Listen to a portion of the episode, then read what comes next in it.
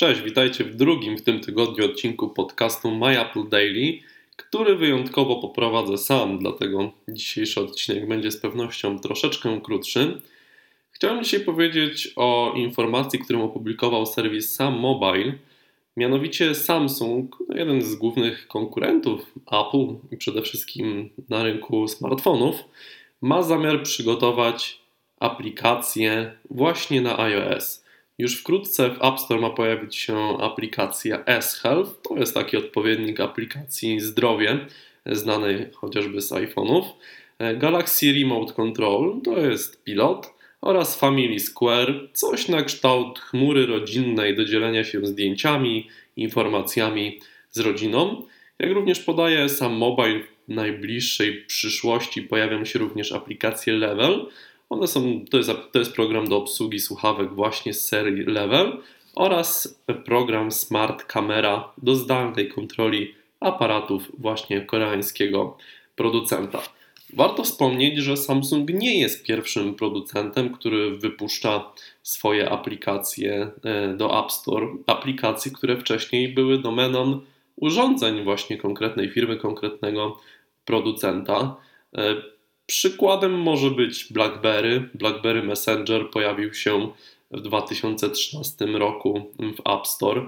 Przykładem może być oczywiście Microsoft y, Office. Jest już dostępny od dłuższego czasu y, na iPady i na iPhony, a od zmian, które zaszły w zeszłym roku, jest on dostępny praktycznie w całym pakiecie za darmo. Użytkownicy Office 365 uzyskują tylko E, dodatkowe kilka funkcji, które nie są niezbędne do korzystania z tego programu. E, mamy również rozwiązania Google, oczywiście bardzo, bardzo e, liczne w App Store. No i można się tak zastanowić w drugą stronę, czy na podobny krok powinno zdecydować się Apple.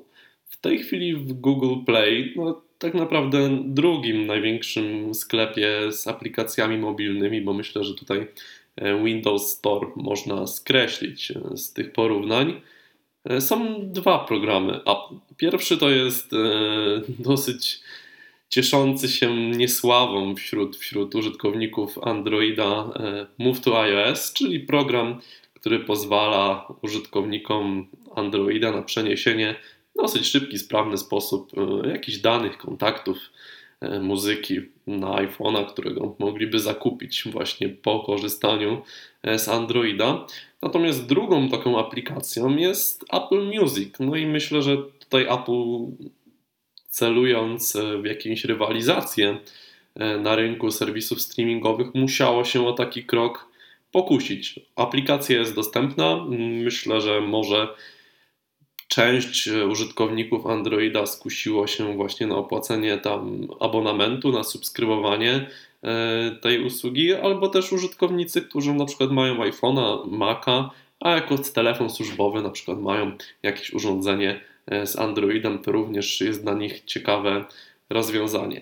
No i tutaj pytanie dla Was, czy właśnie Apple powinno udostępnić na przykład aplikację podcasty, e, pakiet iWork, pakiet iLife, chociażby nowego e, GarageBanda, czy też inne programy mm, na konkurencyjne platformy do Google Play, czy też na komputery PC e, z Windowsem.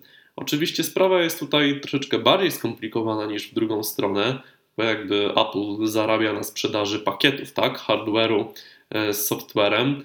W przypadku na przykład wypuszczenia aplikacji Samsunga do App Store, być może jest to jakieś rozwiązanie, które ma zachęcić użytkowników iOS-a e, do jakoś zainteresowania się oprogramowaniem Samsunga, a tym samym zainteresowania się urządzeniami tego koreańskiego producenta.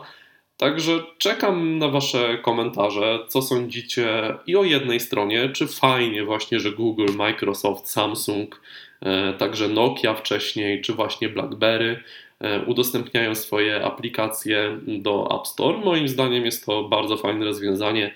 Sam korzystam, e, korzystałem chociażby z Hearmaps swego czasu. Często korzystam i sięgam po aplikację Androida, po aplikację Microsoftu ze względu na moje potrzeby troszeczkę e, rzadziej, ale też wiem, że że Office cieszy się dosyć dużą popularnością.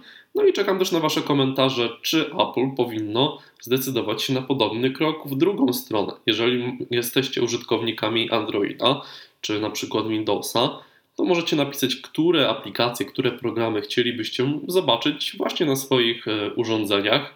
Sam myślę, że dosyć ciekawym mogłaby być aplikacja podcasty na, e, do Google Play. Tak naprawdę popularyzacja podcastów by tylko Apple wyszła na rękę, a i tak na tej aplikacji no nie zarabia e, Apple, a zbyt dobrego konkurenta w Google Play nie ma. No i takich przykładów można zresztą podać więcej. iWork, iLife, GarageBand jest przecież bardzo fajny, czy, czy iMovie. Także czekam na Wasze komentarze i do usłyszenia już jutro. Na razie.